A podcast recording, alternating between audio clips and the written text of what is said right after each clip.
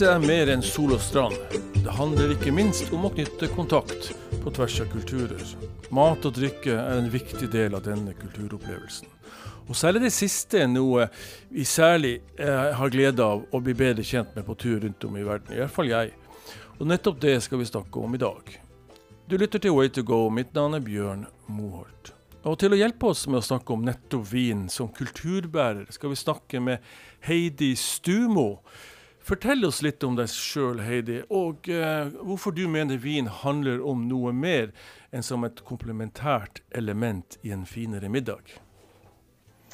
Ja, hei, hei. Hei. Jeg heter jo Heidi, da, og jeg jobber uh, for et chilensk vinselskap som heter Conchai Toro.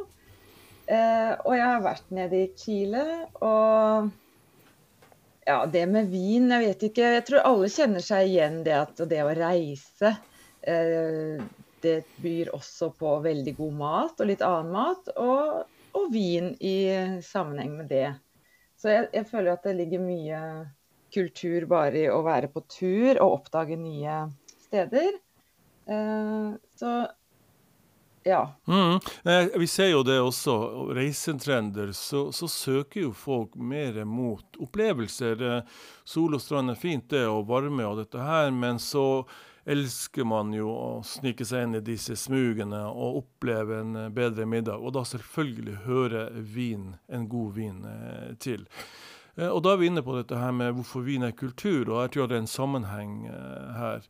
Og vi ser jo også det at vintur er en sånn voksende trend i reiselivet. akkurat det jeg sier at dette er med opplevelser. Og, og, er det også noe man ser i Chile? Nå er det jo langt fra Norge til Chile, og, det er kanskje ikke så åpenbart å se at det har vært et sånt voldsomme volum, i hvert fall ikke nå under, under, pandemien. Men jeg har jo sjøl vært der borte på en, faktisk en vintur, og jeg syns jo det var helt fenomenalt.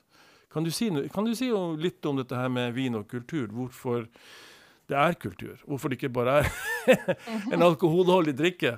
Ja. ja. jeg har også vært da i Chile og i Santiago. Jeg var der i 2016. Og jeg er heller ikke, litt sånn som kanskje veldig mange nordmenn, tenker ikke så mye på Chile som reisedestinasjon. Det er utrolig langt unna. Men uh, allikevel så fantastisk, og egentlig mye, føltes mye nærmere allikevel når man kom dit. Fordi uh, jeg ble bare helt forelska da jeg kom mm. dit. Jeg visste ikke helt hva jeg skulle Nei, men, altså, det at du føler at det er nært, det tror jeg har litt med kulturen. Jeg føler at Chile som kulturmessig er jo nesten som å komme til Spania. Det er, ja. Du har litt sånn, Jeg føler at det er sånn Latin-America light. Det er en veldig mm. sterk forhold til, eh, til, sin gamle eh, kolonimakt, kan du si. Ja, helt enig. Og ja, hvor vakkert det var, hadde jeg heller ikke tenkt på. Og, og det at eh, det som på en måte imponerte meg veldig, er jo dette med, med klimaet som de har, eller landskapet som de har. At de faktisk har ørken da, i nord mm. og Antarktis i sør. Og så har de Stillehavet i vest. Og så har de denne lange, flotte Andesfjellene som går da i øst i landet. Mm. Så det er jo et helt sånn spesielt land. Veldig langt og tynt, litt sånn som Norge. Eh, og de som er der, og som jobber med vin, har jo så fantastiske muligheter eh, klimamessig da, og geografisk. Så det blir en sånn Ja, det blir en veldig stor del av kulturen til mm. chilenere. Fordi at det strekker seg så langt også da, eh, i landet, opp og ned. Eh, så det er mye stolthet som de har, i hvert fall de som jobber med vin. Å dyrke vindruer er jo ikke bare bare. Det er ganske mye jobb. Så jeg tror kanskje mye av kulturen kommer også litt fra stolthet og, og kunnskap og det å, å, lage seg eller skaffe seg ekspertise etter hvert. Da. Forstå landet sitt og jordsmonnet sitt og vær og vind til de forskjellige druene. da. Mm. Så da blir det på en måte ja, en stolthet som kommer inn der også. Ja, for, det, ja, for, for vin eh, har jo vært der lenge. Det kom jo da, som i veldig mange andre av disse nye, nye vinlandene, med spanske misjonærer på 1500-tallet allerede. Men eh, i likhet med i USA, og jeg tror det også var det samme i Australia, så, så tok det liksom ikke av før den franske revolusjonen. Det vil si at man eh, begynte å eksperimentere med nye druesorter og moderne vinifiseringsteknikkene. ikke sant? Og da fikk man på en måte fart i, i volumene også, og kvaliteten ikke minst. Eh, kan du si litt om det? Ja, ja, vi vet jo, eller mange vet jo at veldig mange druer, eh, vindruer har utspring i, i Frankrike.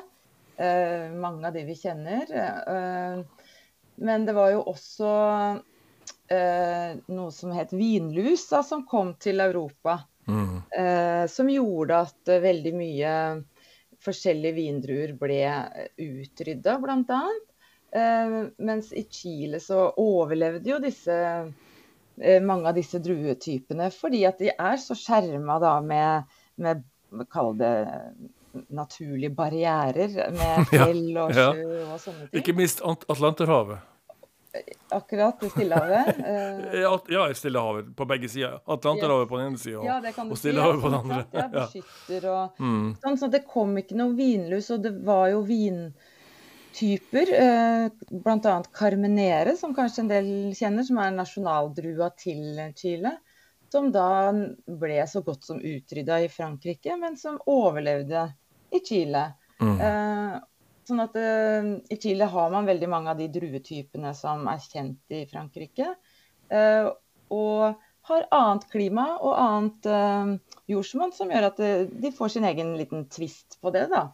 Mm. Pluss at det er veldig interessant med denne karmenere-drua da, som vokste opp. og Den var jo lenge forveksla med å være merlot. Det er egentlig en litt morsom historie, hvis vi kan ta den? Ja da, kjør på. Ja, den Carmenere-drua eh, ble jo lenge i Chile da, forveksla, og de trodde det var Merlot-drua. Mm. Så de dyrket den jo sånn som de tenkte at Merlot skulle dyrkes. Men Carmenere, den, eh, den er veldig spesiell. Den trenger veldig lang modningstid. Og navnet Carmenere kommer egentlig av karminerød. Ah. Eh, de, fordi det ser man på høsten. Mm. Eh, siden denne trenger å, å, henge lenge på vinrankene, så får den jo henge litt utover, eh, så den får veldig sånne høstlige farger. Får den kjemperøde røde blader, så er det veldig mm. vakkert i vingården når Carmenere-drua på en måte er på sitt beste. Så eh, siden de trodde det var Merlot, så høsta de den altfor tidlig, og den ble liksom litt for grønn. og ikke sånn fruktig og rund i smaken som den burde bli. Så den, den, fikk liksom ikke noe suksess. Det var liksom ikke så mange som syntes Carmenere var så godt, da. Men i var det 1994 så var det en kar som var på tur rundt i vinmarkene. Og så sier han ja, så sier han som viser rundt, ja, her har vi Melot. Og det kjørte så bare Nei, nei, nei, stopp, stopp, stopp. Nå må jeg ut og se på disse bladene og sånne ting. Og så var det han da som oppdaga at det faktisk da har de, de dyrka Carmenere som om det var med lov. Så etter og, det så ble det jo helt fantastisk. Uh, fordi man skjønte at det måtte dyrkes på en annen måte, det du sier nå? ikke sant? Man, ja, absolutt. Innså... Det måtte ha mm. lengre modningstid, mer sol, lengre mm. modningstid. Høst, det er den siste drua de høster inn da, av de, alle de andre rødvinsdruene. Mm. Cabernet Sauvignon, Merlot, Pinot Noir. Så skal Carmenere på en måte henge veldig lenge på, mm. På busken. da. Det er ikke noe galt å si om Merlot. Jeg tror at Merlot-druen er vel det mest anerkjente som dyrkes i Argentina. Eh, rett over grensa for Chile så er det vel en dal der som, som du dyrker Merlot med, på høyt nivå. Og, eh, så, så, men, men, det er som du sier, det gjelder å vite hva du holder ja, på med. ja, det nett, og det er det som gjør det interessant. For Merlot dyrka på sin måte gir mm. fantastiske viner. Men det er jo dette som dette som gjør vindyrking kanskje veldig spennende. Da. Og det har jo Chile gjort veldig mye. Mm. Eh, eksperimenterer. De har jo ikke disse kan du si, strenge, rigide lovene som de gamle eh, vinlandene har, som vi tenker på Frankrike, Italia, Spania. Her kan man jo eksperimentere og innovere og ja, gjøre litt som man eh, mer har lyst til. Da. Mm. Og jo mer man forstår klima, jordsmonn og hvilken drue som kanskje trives hvor i landet, ja, jo bedre vin mm. blir det. Så det er stadig forbedring hele tiden. Fordi ja, ja. Chile har jo henta mye inspirasjon fra Bordeaux, Burgund og, og, Frankrike. Det har kommet mange vinmakere over og hjelper de, fordi det er jo litt Frankrike og disse gamle vinlandene som kanskje har litt fasiten. Mm.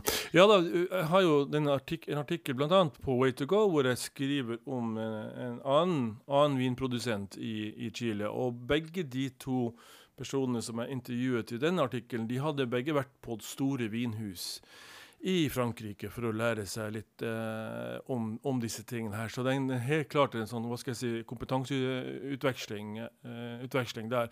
Eh, vin handler jo da veldig mye om jordsmonn og forståelsen av det. og, og dere vinkjennere kaller det for terroir. Eh, kan du si litt om forskjell her på generelt grunnlag? Altså ut fra et geografisk perspektiv, eh, hvorfor den samme vindruen i Chile kan smake annerledes enn f.eks. Italia eller Australia for den del?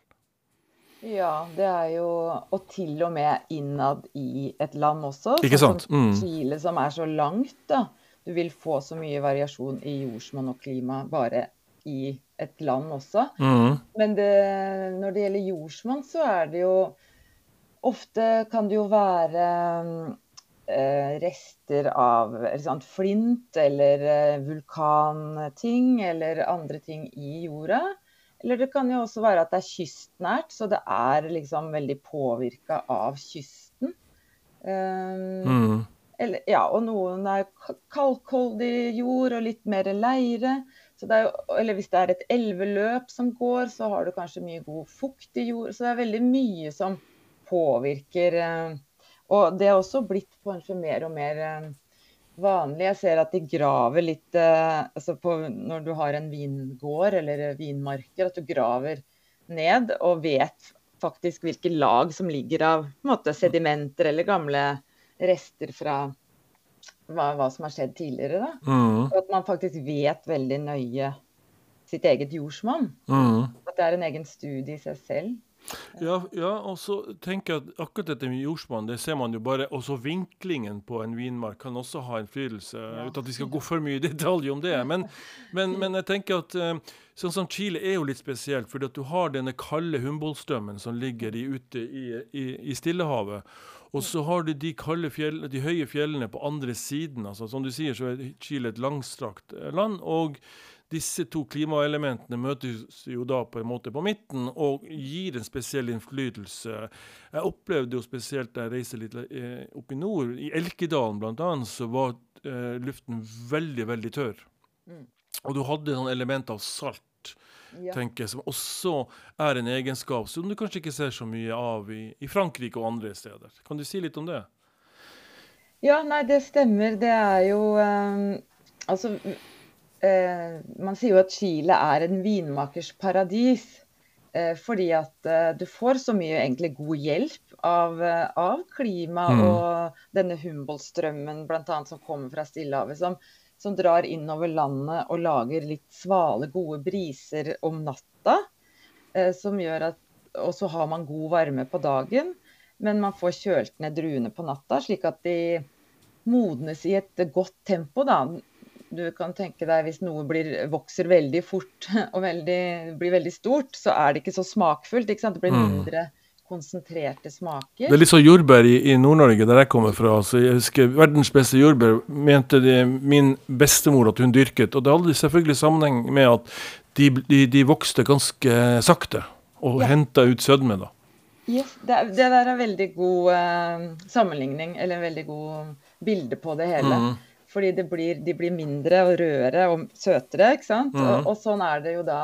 Det er vel mye av det som er suksessen til Chile. At uh, man, man, kan lage veldig god kvalitet, uh, og det er stabilt godt vær. Det regner liksom da det skal, på en måte. Mm. Og det er tørt da det skal, da, i forhold til å få til god uh, druedyrking. Mm.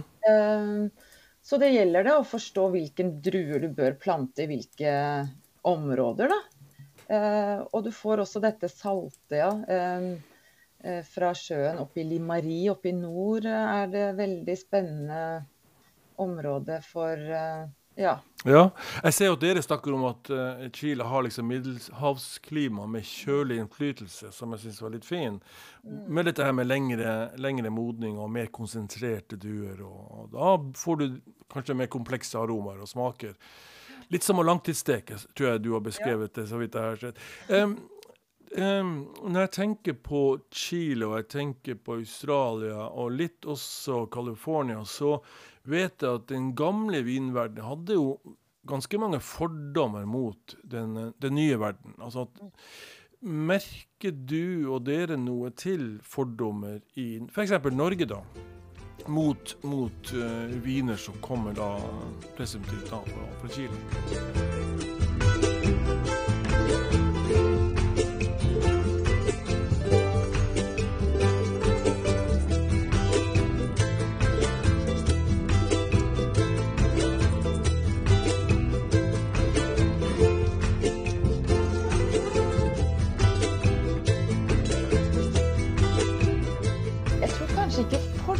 Så mye, men kanskje at man er Noen er veldig glad i den gamle vinverdenen og veldig vant i den. Og, og på en måte liker seg veldig godt i det.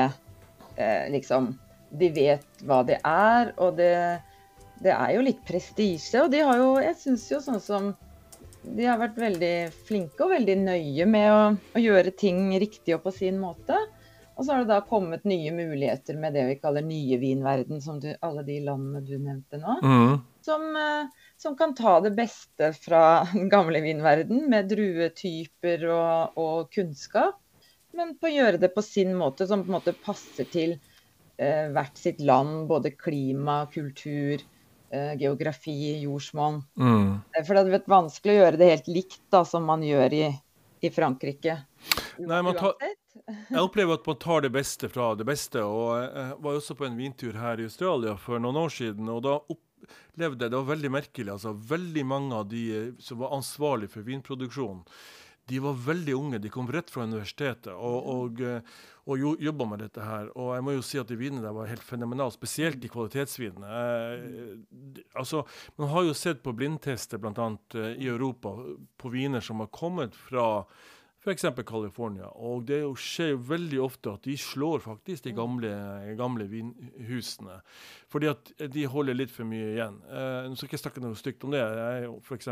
veldig opptatt av italienske viner som jeg syns ja. er veldig spennende, og som er egentlig opphavet til de moderne vin, vinene i, i Europa. Så men jeg føler fremdeles at veldig mange er jo litt sånn usikre på den, den nye vinverden fremdeles. Selv om nå har jo du f.eks. Australia, Chile og, og Sør-Afrika vært her en god stund. Så hersker det vel en slags skille her mellom de to, med den nye og den gamle eh, vinverdenen. Kan du si, kan du si om, om, det er en forskjell der? Tenker du i, i kvalitet, eller ja, nei, oppfatning, kanskje? Jeg tenker i kvalitet. Jeg tenker forskjell i smaker, i, eh, i altså i hele tatt om, om, om, det er noe som man på blindsmaken kunne ha oppdaget og sagt at ja, den er fra den gamle og den er fra den nye verden. Er det noen kvalitetsforskjeller her som, eh, som skiller dem? Og nå snakker jeg ikke god eller dårlig kvalitet, jeg snakker nei, om generelt. Nei, nei fordi mm. kvalitet er jo en helt annen ting. Men, men, ja, du kan jo på en måte en, Kanskje en, en chardonnay-drue eh, dyrka i Frankrike ja, kontra Chile vil jo kanskje få litt mer tropiske toner da. Mm. Det er sånne utslag som det kan gi. Eh, at man Å ja, dette, dette er en Cabernet Sauvignon fra Chile. Det kan jeg kjenne f.eks. At den kanskje har litt mer enda mer solbær eller litt eh, paprika. ikke sant? Sånne mm, ting. Nettopp. Så, så, det ligger jo noe der som blir sånn typespesifikt for hvert land mm. den druen dyrkes i, da. Mm. Så det kan man absolutt uh, uh, på en måte kjenne. Og, og samme med ja, New Zealand er jo blitt kjent for sin Sauvignon Blanc-drueviner. Mm. ikke sant, Sånne ting. Og pinot noir, ikke minst, har jo også og, blitt Absolutt. Mm. Mm. ja. Og også Chile har jo veldig gode um, grunnlag for å lage god pinot noir med kjølige, ah, kjølige områder. Samme med også snakke om egentlig litt kjøligere områder for chardonnay kan være spennende. Mm. Så, og så syns jeg det var litt spennende det du nevnte om disse vinmakerne, da, som vi kaller de, ja. eh, som, eh, som, lager vin, og som også kanskje blir litt både yngre og tøffere og litt sånn mer, enda mer eksperimentelle. Og, mm. og det er kanskje den fordelen nye verden har, da, at det er ingen lover og regler, det er ingen grenser. Mm. Så at du har liksom hendene litt mer fri. Eh, når du tenker at her burde jeg brukt litt mer Merlot da, i denne vinen, mm. så kan du faktisk gjøre det. Det er ikke sånn Nei, det går ikke. Det, det gir jo noe veldig spennende viner, syns jeg. Så, og du har helt rett at i blindsmakinger, det, hvis du på en måte har gjort litt av det samme med vinen, mm. eh, så er det ikke noe sånn alltid lett å skille hvilket om at typisk et uh, Frankrike eller Spania er, skal være bedre da. Det, mm. det trenger ikke å være sånn. Nei, og så opplevde jeg også det at de er litt mer lekne, kanskje, med, i markedsføring, etikettbruk og en del sånne ting. Gir dem litt morsomme navn osv. Så, så kan jo det oppfattes kanskje i den i den gamle verden som litt tullete og, og, og på en måte blasfemisk. Eh, mm. men, men, verden går jo tross alt videre, og jeg tenker at og, og, ikke minst kommer det nye og yngre vin, vinelskere frem her som ser helt annerledes på disse tingene. Så jeg syns det er jo kjempespennende. Og, og til syvende og sist er det veldig smaken det handler om. Ja. Og så mm. tror jeg at det du nevnte tidligere, at noen er Vi er jo litt vanemennesker også, da. Det vet vi jo. Og vi kjøper kanskje det vi er vant til å gjøre, og det som er trygt. Og det er klart, Italia spesielt har vel en sånn uttrykk eh, på flasker og, som liksom skal være der. Også Frankrike med noen slott og litt mm. uh, ornamenter og sånne ting. Som på en måte uh, gir en trygghet for noen, tror jeg. Mm. Uh, mens man kanskje kan leke litt mer. Uh, i nye verden. Jeg vet at også gamle verden har, gjør jo det, de også. Har gjort mer og mer, kanskje. Veldig, jeg tror de er veldig påvirket faktisk av, av den nye verden. Ja. Og det så man kanskje særlig i Storbritannia, hvor, hvor australske viner fikk lå et hestehode foran i volumer, og man lurte jo helt på, veldig på hva det, årsaken til det var. Og det var jo nettopp dette her med at de var litt mer lekne og og torde å gjøre det litt annerledes og henvende seg til nye, nye grupper. ikke sant? Og da, da, skjønte man i den gamle verden at her måtte man gjøre noen grep. Det ene utelukker jo aldri det andre. Nei, det er, nei, det er veldig sant, det. Mm. Eh, så vidt jeg vet, så er jo Chile det fjerde største, den fjerde største vineksportøren. Stemmer ikke det? med de foran de gamle, da, Vinland, Italia, Frankrike og Spania. Eh, kan du si litt om, om ditt merke? Hvor stort er det i, eh, i Chile? Ja, oi sann. um, Det er jo um, den største produsenten i Chile. Mm. Uh, men de eller, altså eksporterer ja, til 140 land i verden. Og er da fjerde størst eh, mm. på volum. Eh, og så ser jeg, og det er litt eh, pussig, da, men også i Norge så er Chile som på en måte vinland nummer fire da, på Vinmonopolet etter oh, ja. mm. Italia, Spania og Frankrike. da. Men uh, Chile er faktisk foran Tyskland, mens Tyskland er jo mest kjent for sine hvite viner. Mm. Og har kanskje ikke så mye eh, volum enda da, på, rød, på rødvin. Nei. Mm. Så, men det som måte som Chile klarer, det er jo å produsere mye vin. Eh, mm. Til god kvalitet, til en uh, hyggelig pris. Det har på en måte vært styrken til Chile hele veien, og det er det de kanskje skiller seg ut på. Fordi at uh, ja, det er veldig stabilt klima, og veldig godt uh, klima. Og veldig rikt og mangfoldig. Så det mm. gjør, gir en stabilitet til å kunne klare å dyrke mm mange vinranker og levere mye vin, da. Ja, det fikk jeg også forståelsen da var der borte, at det var nettopp det du sier her. Den ekstreme, konsistente, det, det ekstremt konsistente klimaet som gjør det relativt enklere enn f.eks. i Frankrike, som er mye mer utsatt for vær og vind, og hvor du kan ha ekstremt gode årganger, og så har du skikkelig mm. ræva årganger, for å si det mildt. Ja. Uh, ja. Ja, Det skjer ikke i Chile. da, sånn, Der er det veldig, vært mye mer stabilt, eller er det. Mm. Og da får du volumer ut av det og kan på en måte planlegge bedre. Eh, ja, da kan du det. Mm. Eh, når det gjelder videre på, på polet, eh, hvilke, hvilke, viner er det vi nordmenn eh, stort sett kjøper da, når det gjelder f.eks. Chile? Eh, la oss ta røde viner, da. Hva går de i? Hvilke type viner går de i?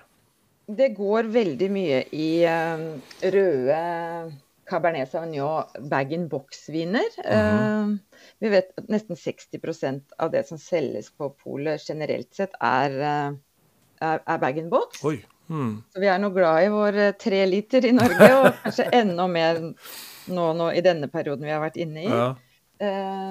så det, det, det, går det en god del av. Eh, men vi har jo sett en dreining mot hvitvin eh, for Chile, men også for andre, altså alle egentlig. For at mm. vi, vi, nordmenn vi tror vi spiser litt eh, lysere og lettere nå. Vi vil ha litt sushi, litt salater, mer enn før kanskje. Og, mm. og matcher da maten med vinen mer. Og da har hvitvin vært veldig i vekst. Men det mm. aller mest spennende som har skjedd kanskje siste året, er jo framgangen til rosévin. Det har jo vært eh, ja, jeg tror 70 eh, opp på rosévin. Og jeg ser jo chilensk rosévin har økt voldsomt. Ja, det, Hva er årsaken til det? For det har jeg sett. De siste to-tre årene har det vært en voldsom økning der. uten at jeg kan, eh, Det har jeg ikke sett på Vinmonopolet, men jeg ser hos venner og andre, så det, tar de opp eh, rosévin. altså. Eh, hva er årsaken? Er kvaliteten blitt bedre? Er det, kan du si litt om det? Ja, jeg tror eh, Vi har lenge snakka om at vi nordmenn eh, reiser, reiser jo mer og mer. Det, mm. det, vet kanskje du enda mer enn meg om. Men, eh, og, og vi tar jo med oss vanene tilbake. Og så tror jeg tidligere når vi reiste og tok med vanene tilbake, så, så skulle vi ha også en god flaske rosévin og, og, gjenta suksessen fra en fortauskafé, kanskje. Mm. Men så var det ikke så mye å velge i når man kom på Vinmonopolet, og så kjøpte man noe, og så Nei, så ble det ikke helt den samme ferieopplevelsen mm. som man tenkte man skulle gjenskape. Men så har jo da tilbudet, eller altså antall roséviner, økt, og det er mer å velge i på Vinmonopolet, så det tror jeg kan være en grunn. Mm. Uh, vi har jo blitt veldig glad i disse litt lyse, lakserosa rosévinene. Mm. Selv jeg begynner å synes at de er gode. Ja, ja det, det er noe? Veldig, jeg syns at uh, det er drikk for både kvinner og menn. Ja, da. Absolutt. Og, og så tror jeg det har litt med denne lysere og lettere trenden at uh, det gikk veldig over på mer hvitvin en periode, men så kanskje man begynner å savne litt. Vil jo ha litt mer allikevel. Altså. Mm. Eh, så vi har jo sett også pinot noir, eller altså litt saftigere, lysere, lettere, lettere mm. viner, ikke mm. sant. Mm. Så jeg tror at rosé er en sånn perfekt eh, mellomting for veldig mange. Og så passer det, er jo veldig allsidig, da. Det passer til utrolig mye god mat hvis man skal ha ja, buffé eller på en måte tapas eller mm. mange forskjellige ting, så, så, går det som regel veldig greit med en god rosévin. Mm. Og jeg tror de chilenske rosévinene ja, de er, ikke, de er, også lyse og lakserosa og, og lette og friske, fruktige i stilen. Eh, mm. Uh, ikke så mye sukker syns jeg kan være greit. Uh, så nei, det, vi opplever jo en stor vekst uh, her. Mm. Eh, du var inne på det i stad, at eh, bag-in-box eh, er et volumselger. Kan du si litt om det? For at hva skal jeg si, snobben vil jo sky bag-in-box som pesten. Er det en kvalitetsforskjell her når du kjøper en bag-in-box mot en, flaske, en, en vin på flaske?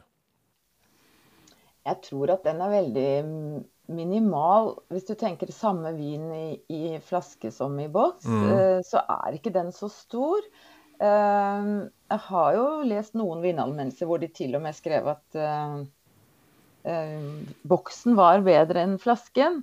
så det, det, kan også skje. Mm. Så det, det, har blitt veldig bra, det altså. Men det er klart, går du opp i pris på en flaske vin, så er det jo sjelden at den er eh, tappet på bag-in-box, da. Mm. Eh, men det blir jo mer og mer av det. Jeg ser jo det. Du får jo nå eh, høyere og høyere kvalitet på bag-in-box også. Hva, hva, hva, skyldes det? Er det teknologien rundt som har gjort eh, at kvaliteten kan opprettholdes lenger? For at, uh, Poenget med bag-in-box er at du skal kunne du skal ikke drikke alt, alle tre literne på én dag, men du kan kanskje drøye det over en la oss si en 14 dagers tid, eller en uke i hvert fall.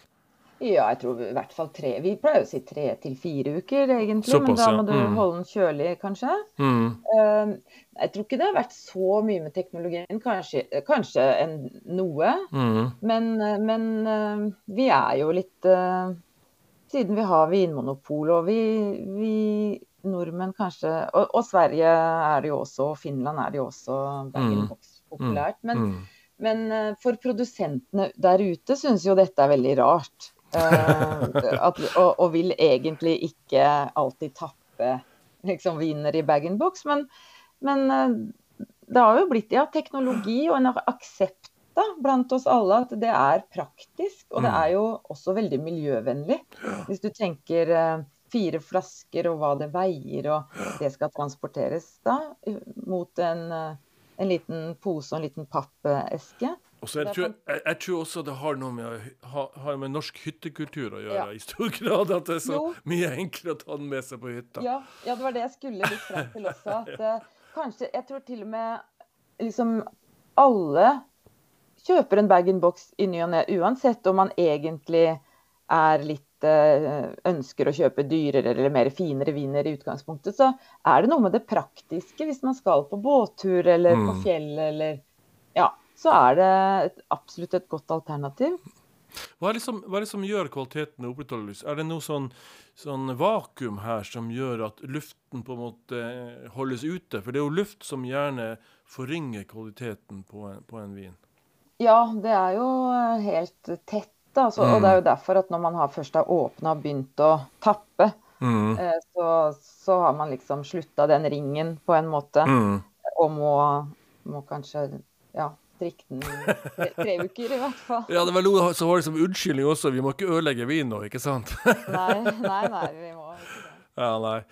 Du, uh, Heidi, vi nærmer oss slutten her. Jeg syns det var veldig hyggelig å snakke om det. Jeg syns vin er kjempespennende. Uten at jeg egentlig er noen ekspert på dette her, men det eneste jeg kan si, er at jeg kjenner forskjellen på god og dårlig vin. Og det er vel det hoveddelen av det norske folket egentlig vet og blitt ja. mer bevisst på, kan du si, at uh, de sitter ikke og finkjemmer uh, nødvendigvis uh, ting, men de, de, er mer bevisst på, på hvordan vinene skal smake. Og de gjør ikke lenger som min far gjorde når han skulle temperere rødvin og legge den på radiatoren. De, de, de, de legger kanskje i kjøleskapet heller, ti minutter før gode, gamle romtemperaturen. så det skulle være gjerne oppå peisen. Ja, jeg... Det blir litt varmt. Ja, det, ja, det blir nok mer toddy enn noe annet. Um, helt sånn på slutten her nå, så uh, Du har ikke noe å legge til nå. Uh, det selskapet som du jobber for, du, du, er, du, jobber altså ikke for en vinimportør, men du jobber for faktisk en produsent i Chile. De er så store i Norge at de har råd til å ha deg håper å si, gående her. Ja, det stemmer. Vi har et mm. eget kontor. Uh, i Norge. Mm. Og vi jobber med ja, chilenske og argentinske viner for det meste. Mm -hmm. og, og, på en måte lever litt i den chilenske bobla og syns jo det er utrolig spennende å få, ja, få dra og besøke Chile. Det er jo et fantastisk eh, land å reise til. Og som sagt, mm. jeg ble helt forelska da jeg dro dit første gangen og går rundt i de vinmarken og se opp mot Andesfjellene. Så det er helt, uh, helt det... fantastisk. Kan bare anbefales å bare komme seg av gårde og reise. Ja, det, vil jeg spørre deg litt om helt sånn på tampen. at uh, Har du noen reisemål i Chile som du herved kan anbefale nordmenn å oppsøke, i tillegg til disse vingårdene? Eh, ja, nå har jeg vært litt rundt, men jeg skulle jo gjerne vært mer rundt også. Men vi var jo ja, i, i, Santiago. Og så der ligger jo liksom Maipo Valley, den mest kjente vindalen, er jo litt bare utafor Santiago. Så det er jo veldig lett å dra til Santiago og komme mm. seg ut i, i vingårdene. Mm. Ellers er det å komme seg ut mot, uh, mot kysten. Uh, vil jeg vel, uh, der, der, tror jeg det finnes mange fine steder. Og, Valparaiso. Ja, der var mm. jo vi. Og så der var mm. det jo veldig, veldig fint. Så mm. Ja, det er egentlig bare å komme seg litt rundt, uh, gjerne mot kysten, tror jeg. Mm. Og det er jo enda mer variert enn Norge, vil jeg si. Du har jo, som du sier, nesten sånn arktisk eh, klima i sør, og så har du denne verdens tør tørreste ørken i nord, Atacama-ørken, som jeg også sjøl har vært i, og som jeg herved sterkt anbefaler. Ja. Mm. Og så kan man vel eh, komme, kjøre over til Argentina også, ta to To fluer i en smekk. Mm. Ja. Over Andesfjellene. Det måtte jo være fint. Ja! Da, da sier vi det, ja. Heidi. Da sier vi god tur. Ja, god tur. Tusen takk, Heidi Stumo fra Hva heter selskapet igjen? Det heter Concha i Toro. Concha i Toro. Tusen takk, og god helg. Takk for meg. God helg.